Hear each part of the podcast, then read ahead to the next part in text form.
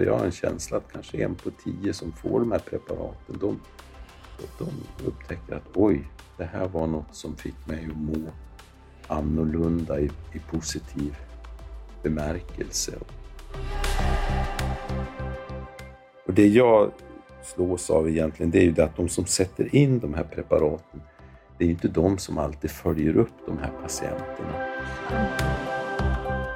Hej och välkommen till Svampen. Vi är ST-rådet i Svensk förening för allmänmedicin, SVAM.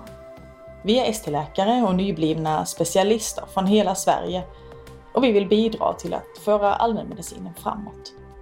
I den här poddserien kommer vi att samtala med personer som på olika sätt brinner för att utveckla just sin del av hälso och sjukvården. De är alla eldsjälar och vi är intresserade av att få veta vad det är som driver dem och att lära oss av deras erfarenheter. Välkommen till Svampen! Eh, Martin Widerqvist heter jag. Eh, jag är ST-läkare i allmänmedicin som jobbar i Göteborg. Eh, jag sitter här idag i Falkenberg med Per Steneryd som är allmänläkare sedan 25 år och sedan 10 år eh, också jobbat på en specialmottagning för läkemedelsberoende här i Halland. Och min första fråga till dig är, vad brinner du för? Ja, nu brinner jag faktiskt för att utveckla en eh, vårdkedja för hur vi tar hand om de som har allt ifrån ett riskbruk till ett rätt så uttalat beroende eller missbruk. Både, ja, kanske i synnerhet för läkemedel, men jag känner också att man måste ta ett helhetsgrepp på det här. Så jag även engagera mig i hur vi fångar upp de som har mm, riskbruk för alkohol och sådär. Så att jobba för att, precis som vi har blivit duktiga på att ta hand om diabetiker och astmapatienter och sånt genom att ha strukturerade program, så ser jag att det finns väldigt mycket att göra om vi skulle kunna jobba lika strukturerat med de här frågorna. Alkoholberoende pratas det en del om, kanske inte lika mycket av läkemedelsberoende. Hur Eh, gör vi för att hitta de personerna som ligger i riskzonen? Mm. Eh, jag tror att går man ut på en vårdcentral och frågar sköterskor som sitter i telefonen och tar, tar emot beställningar på läkemedel som är beroendeframkallande, så i den gruppen så finns det många som är i risk att utveckla eller kanske redan har utvecklat ett beroende för de här preparaten. Så att jag tror inte att det är jättesvårt att, att liksom fånga upp den här gruppen faktiskt. Sen den andra frågan, det är ju egentligen de här som kanske inte har, har fått de här preparaten men som kanske kan bli aktuella för en behandling med till exempel morfinbaserade smärtstillande läkemedel. Hur ska vi veta där att inte de, när de får läkemedlen, riskerar att och, och utveckla ett beroende? Och där tror jag faktiskt man får göra en, en slags um, riskanalys ta reda på, har de haft något beroende tidigare, kanske för alkohol eller så? Kommer de från en familj eller i släkten där det finns problem med, med beroendesjukdomar eller har de tecken på, eller har, vet att de har någon form av sån här neuropsykiatrisk problematik, ADHD eller liknande. Ja, sånt kan öka risken att man utvecklar ett läkemedelsberoende, bland annat. Hur vanligt är det att eh, man blir beroende av antingen opiater eller bensodiazepiner? Gerhard Larsson gjorde en stor utredning för ungefär 5-6 år sedan och där uppskattar man att eh, när man gjorde stora enkäter eller gick in och gjorde sådana apoteksundersökningar att kanske 1-2 procent i befolkningen har en användning som tyder på att de skulle kunna vara läkemedelsberoende. Och jag gjorde något överslag att på en vårdcentral då som servar ungefär 10 000 invånare så kanske det är ett hundratal som har någon form av läkemedelsberoende och sen kanske det är en 10, 15, 20 stycken som har ett mera uttalat beroende. Vilka är det som eh, gör nyinsättningar av de här läkemedlen. Jag tänker smärtstillande är väl mycket ortopeden efter operation och så. Men, men de här lugnande då, bensodiazepiner, är det, är det vi på vårdcentraler som gör det? Jag har ju jobbat tio år och under de tio åren så tycker jag att det har skett en förändring. När jag började då var det många som stod på bensodiazepiner. Ofta hade de fått preparaten insatta kanske för 15-20 år sedan i samband med kriser, panikångestattacker och annat och sen hade det där liksom bara rullat på. Idag har jag en känsla att det inte alls är samma nyinsättning av bensodiazepiner. Vi har allmänt blivit mycket duktiga inom läkarkåren att liksom undvika det och det har blivit mer ett slags psykiatriskt preparat. Däremot kortverkande sömnmedel, typ Stilnox, Dimovan och sånt, det förskrivs ju och där ser vi faktiskt många som fastnar i ibland ett väldigt gravt beroende. Så där är en grupp, alltså de här bensodiazepinliknande sömnmedlen, som det sker en ny rekrytering. Sen den stora gruppen idag, det är ju de här baserade smärtstillande läkemedlen som ofta sätts in i samband med akut besök efter operationer, akut lumbag och, och så vidare.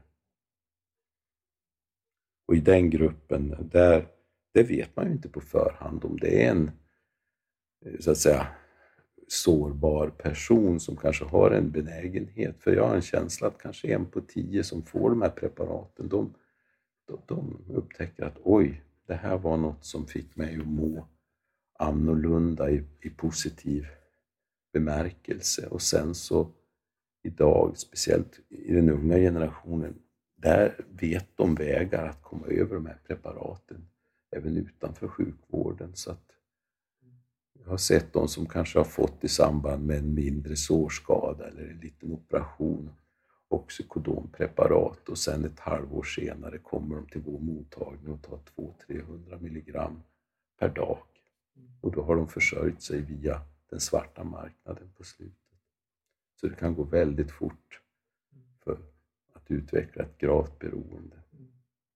Har vi, det pratas ju mycket om eh, utvecklingen i USA med de här oxycodonpreparaten de mm. senaste 5-10 åren. Är det liknande i Sverige eller bara i mindre skala? Eller? Jag har kanske av tillfällighet bara stött på en par artiklar här sista två veckorna i amerikanska tidskrifter, om det var Newsweek och jag tror det var New Yorker eller någonting annat, där de har skrivit just om de här oxykodonpreparaten som kom nu för snart 20 år sedan, så, som fick ett enormt genomslag och kanske, jag tror det var en uppskattning över 60 000 dödsfall per år nu i USA som är kopplat till överdoser på de här preparaten och sånt. Och den bild jag har fått där, det är att läkarkåren har varit lite naiva och använt de här även på liksom godartade smärttillstånd på ett rätt så ja, okritiskt sätt. Och det kanske finns tendenser även i Sverige att vi har använt de här preparaten och inte förstått vilken beroendepotential de har. Men, men vi är ju inte alls liksom i samma situation som i USA. Men viktigt att vi ändå har res rejäl respekt för de här preparaten. Och det jag slås av egentligen, det är ju det att de som sätter in de här preparaten, det är ju inte de som alltid följer upp de här patienterna.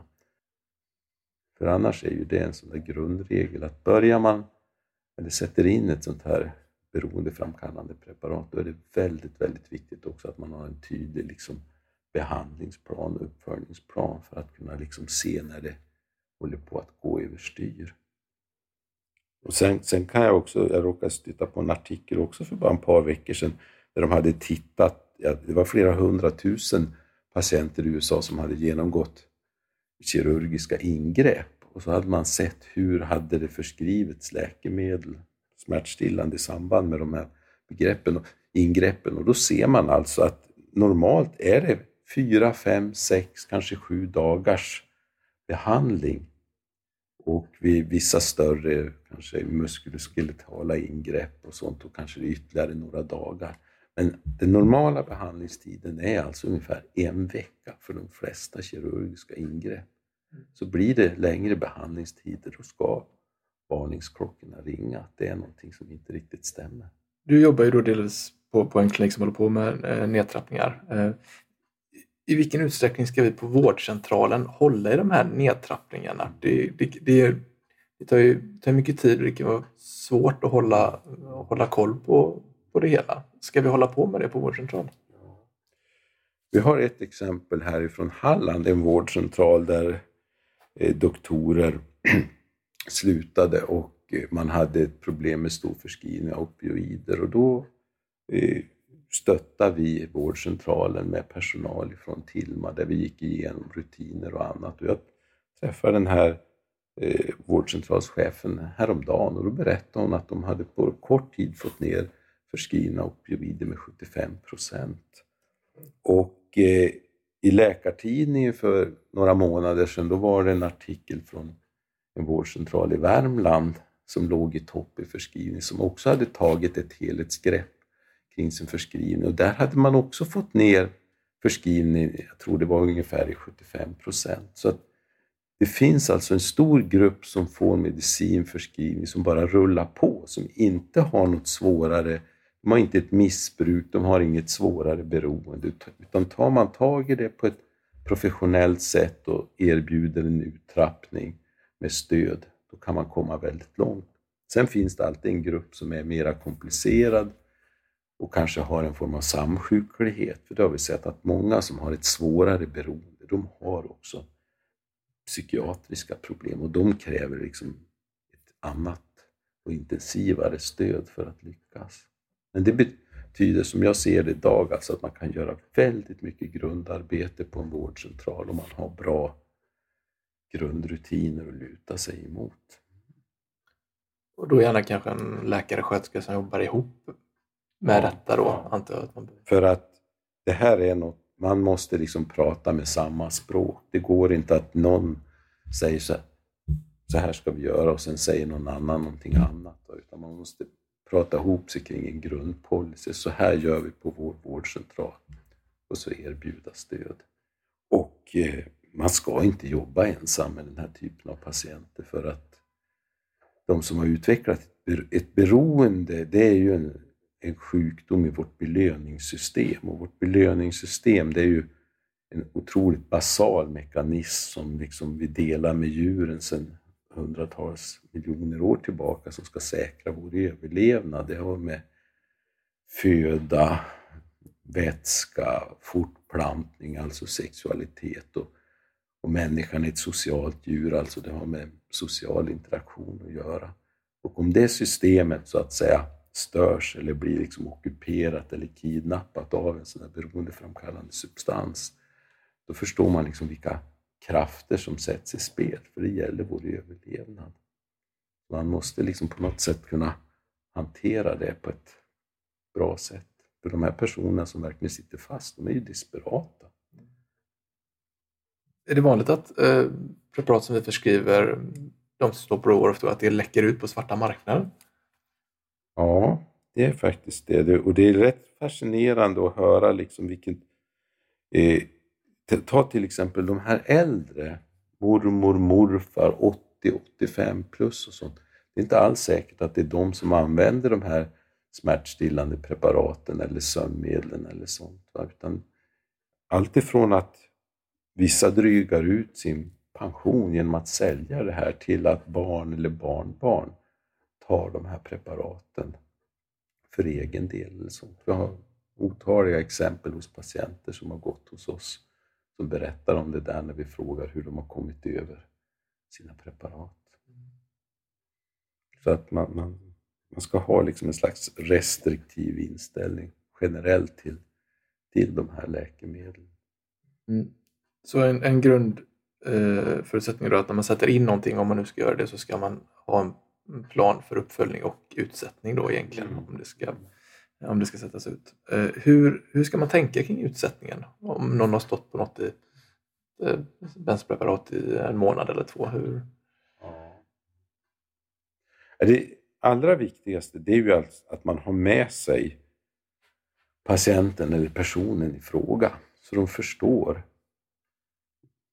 vad, vad som gäller och vilka krafter som sätts i spel och varför de kanske kommer att må konstigt. För att det är väldigt svårt om inte de, de är med på det hela.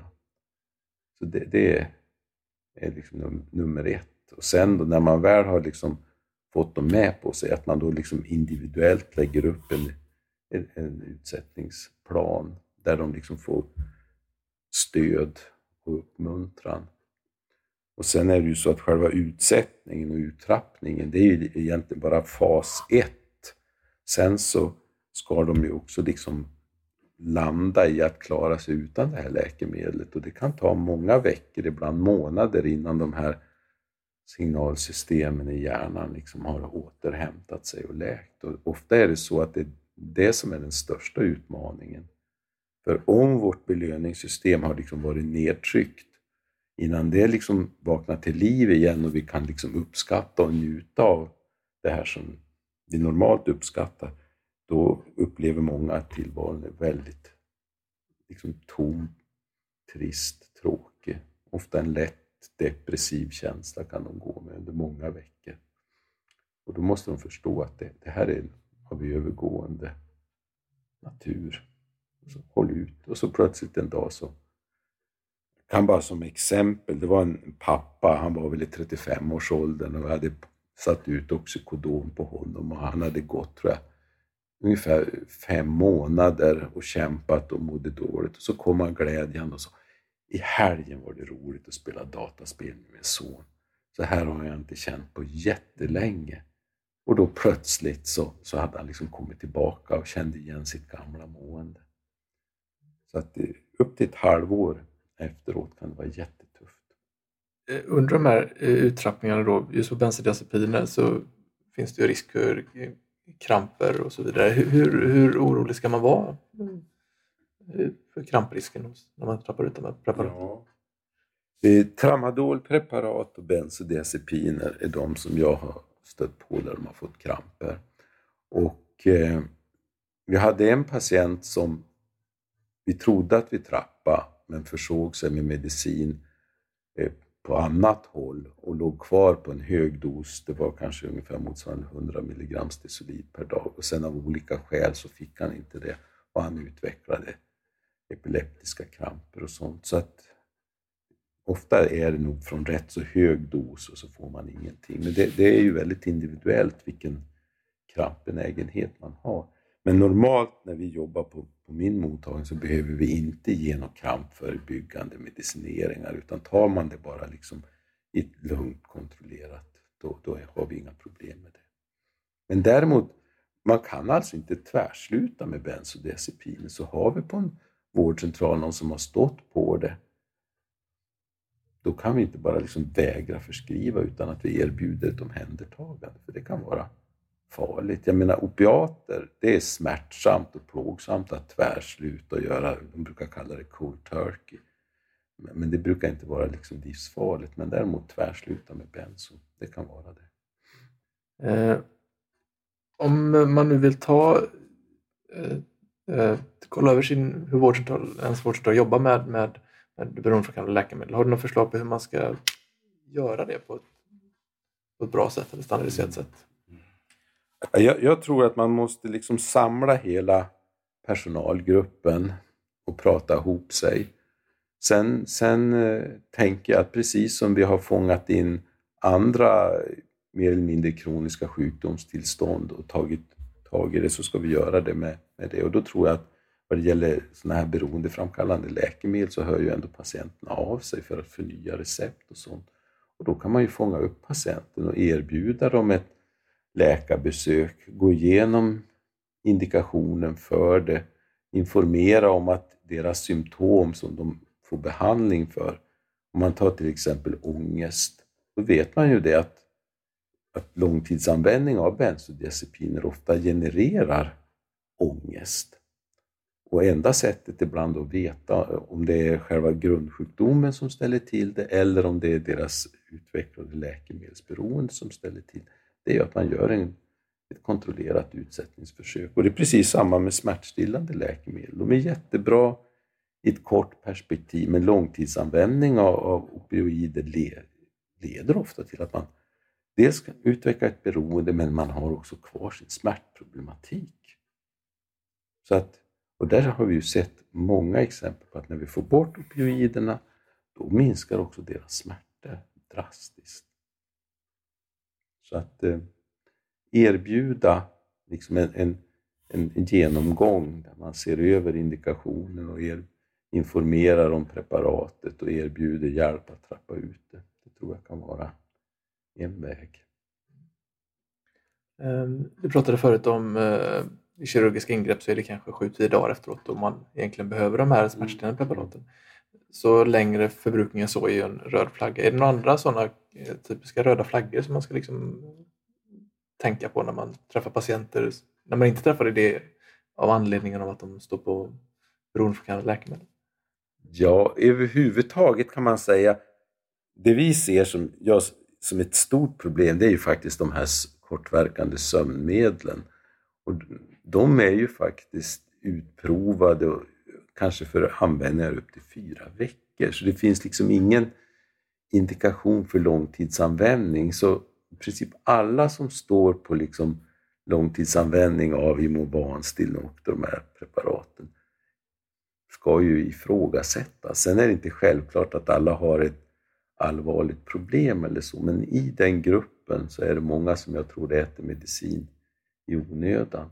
Och jag skulle vilja säga att den riktigt stora utmaningen, det är nog inte den här högdosgruppen, för där är det rätt så uppenbart att de, de eh, ja, att det inte är en adekvat medicinering, utan det är de här som till exempel tar, säg Citodon, fyra, sex stycken per dag. Och de har kroniska smärtor, de mår inte riktigt bra. Och varje gång de tar medicin så lugnar de ner sig lite grann. Och de tror jag ofta har utvecklat ett slags lågdosberoende. De har utvecklat en tolerans som gör att den här dosen som initialt var tillräcklig räcker inte riktigt för att ta hand om de här smärtorna. Och man vet det att då, när toleransen gör att de egentligen kräver lite, lite mer för att få full effekt, men de får inte det. Och det där glappet, det skapar ett kroniskt stresstillstånd. För abstinens, det är stress. Om man går in och gör såna här MRI-undersökningar i hjärnan och sånt, då ser man att det är de här adrenerga systemen som lyser och sånt. Och gå med det där ständiga låggradiga stresspåslaget, det förstärker ofta de här grundproblemen man har. Och där kan man genom att trappa ut det hjälpa de här patienterna att må mycket, mycket bättre. Och vi har många som har stått på sådana här lite medelhöga doser med tramadol, Citodon eller även sömnmedel som mår ofantligt mycket bättre när de väl har blivit av med det. Men samtidigt så hankar de sig fram och det liksom lyste inte i doktorns ögon när de för, förnyade det här Citodon-receptet eller annat. Och de, de liksom är välfungerande i övrigt. Och sånt. Och det skulle jag tro är majoriteten av våra patienter. Där kan vi göra en jätteinsats om vi fångar upp dem. Har ni samarbete med smärtklinik och så? Tänker jag om det är någon bakomliggande generaliserad verk som man behöver behandla eller gör ni det själva? Man kan säga så att vi skulle gärna vilja ha det, men tyvärr är, är saknas smärtdoktorer, i varje fall i Halland och jag har en känsla att överhuvudtaget i landet så är det brist på det området. Och däremot har vi utvecklat ett bra samarbete nu med, med psykiatrin, så de som har en samsjuklighet på det området, där, där kan de få stöd och hjälp. Men, men vad det gäller den somatiska smärtan, där saknar vi faktiskt resurser, för alla mår ju inte bättre när vi har trappat ut de här opioiderna, utan det är vissa där vi skulle vilja kunna erbjuda någonting annat istället. Men det är inte där än. Är det vanligt med en, en, eh, att man har ett problem med alkoholkonsumtion samtidigt som man har de här till exempel bensodiazepiner? Ja, man kan väl säga när vi jobbar på vår mottagning, det är det ju faktiskt så att de måste ha kontroll på alkoholen om vi ska jobba med dem. Och många som kommer till oss, de har haft problem med alkohol tidigare, men fastnar man med till exempel tramadol eller något annat opioidpreparat, då är det som att då tappar många suget för alkohol. De säger nej, när jag börjar med det här, då har jag slutat dricka alkohol. Sen när vi trappar ut så finns det alltid en risk att de då börjar dricka igen. Men det är någonting vi har väldigt bra koll över, för det, det funkar inte att du tar bort ett preparat så börjar de dricka. Så vi erbjuder antabus till exempel, eller så, om de har svårt att avstå. Hur, hur tycker du att, eh, du nämnde att det verkar som att vi har blivit bättre på att inte förskriva för mycket bensodiazepiner. Hur har, sen du började jobba då för 25 år sedan på vårdcentral, hur tycker du det har förändras i förskrivningsmönstret i övrigt? Eh, jag, jag tycker att respekten för mm, morfinbaserade preparat, opioider och sånt har minskat. Jag tycker att man förskriver mycket mer sådana preparat nu för till exempel akut lumbago och annat än de gjorde när jag började som distriktsläkare. Då hade vi väldigt, i varje fall i Sundsvall där jag gjorde min grundutbildning och sånt där, en stor respekt för, för att det var beroendeframkallande. Men jag har en känsla att vi har börjat använda det liberalare nu. Men samtidigt så ser jag ju det här nu från mitt perspektiv på en sån här beroendemottagning, så att det är ju en selekterad grupp som hamnar liksom under mina ögon. Men, men jag undrar om vi kanske är lite för frikostiga, eller vi informerar inte patienterna när vi förskriver det, att det här är ett morfinpreparat, att det här är beroendeframkallande. För det är många som berättar att jag förstod inte vad jag fick när jag började med det här. De kan bli rätt så upprörda när de upptäcker att oj, nu har jag fastnat i ett beroende och det här var ett morfinpreparat. Jag hade inte velat ha det för jag visste att det fanns i min släkt. Läkemedelsberoende och jag har varit jätterädd för att drabbas av det. Så att det finns de som känner sig lite lurade av vården helt enkelt. Eh, skulle du hellre se att man använder de där lite svagare opioiderna, man säger så, Citodon, Tramadol än, än eh, Oxycodon? Tramadol tycker jag inte vi ska använda överhuvudtaget därför att det är ingen ren opioid. Den har ju också effekter på de här serotonin och noradrenalinsystemen som, som är kopplade till ja, när vi behandlar depressioner, ångest och annat. Och de som har fastnat för tramadol uppfattar jag, de är bland de svåraste att trappa ut. Väldigt komplexa, sega abstinenssymptom och sånt. Så egentligen tycker jag att det preparatet hör liksom inte hemma i vår grundarsenal. Däremot då, Citodon och sånt där, ja, nu, nu är det ju så att 10 procent bryter inte ner det här till morfin och de får ju överhuvudtaget ingen effekt av de här preparaten. Och sen finns det någon no enstaka procent som är snabba nedbrytare och de kan alltså få toxiska nivåer, alltså överdoseringssymptom när de får det. Så att ur den synvinkeln är det inte ett optimalt preparat. Men samtidigt har jag en känsla att risken att utveckla ett beroende tror jag är faktiskt lite mindre för Citodon än Oxynorm och Oxycontin. Det tror jag. Men, men, att ändra liksom en generell policy vad man förskriver på en akutmottagning eller en ortopedklinik, det, det kräver nog, ja, det måste processas lite ytterligare. Men, men, men jag har fått otroligt stor respekt för oxycodonpreparat. Det är absolut det som dominerar på vår mottagning idag hos de som har fastnat i ett beroende. Eh, är, är, är plåsterberedningar, är det ett problem? Alltså här fentanylplåster? Ja, det är det. Vi trappar många som har står på fentanyl. Och i Halland hade vi för några år sedan flera dödsfall med överdoseringar där, där man hade missbrukat fentanyl. Man röker det, man inhalerar ångorna från de här plåstren och annat. Så att vi har gått ut med att det ska inte användas på benigna smärttillstånd överhuvudtaget. Och att man måste också tänka på sådana här plåster, när man, de kasseras så har de en stor del av sitt liksom, innehåll kvar. Så ett begagnat plåster kan också missbrukas. Vi använder ibland Norspan när vi trappar och så minskar vi stegvis liksom dosen av spanplåster. Det har vi positiv erfarenhet av. Hur skulle du vilja att, eh, eh, att förskrivning av de här preparaten ser ut framåt? Om du fick bestämma vilka rutiner man ska ha? jag tror det är jätteviktigt att patienterna liksom förstår vad det är för mediciner de får och förstår både fördelar och risker med det. Men att, att man lägger en väldigt tydlig behandlingsplan, precis som när vi behandlar med andra mediciner. Det är ju liksom en behandling eller en förskrivning startar med att man skriver ett recept, men man måste hela tiden utvärdera. Uppnår vi vad vi hade strävat efter? Fördelar, bieffekter och sånt. När är det dags att omvärdera och avsluta? Att man har samma liksom professionella grundtänk när vi använder de här preparaten. Då tror jag vi skulle vinna otroligt mycket. Helt enkelt. Och veta då att en normal behandling efter en operation, det är kanske fem dagars förmedlar man det till patienten. Här får du medicin för fem dagar. Då kommer de akuta svåra smärtorna och har lagt sig. Så att man säljer in den tänkta liksom effekten med en sån här medicinering. Att man gör patienten delaktig i det helt enkelt. Och när man använder till exempel sömnmedel och sånt. Det är en 10 förpackning. Det är det som är aktuellt av Imovan till exempel.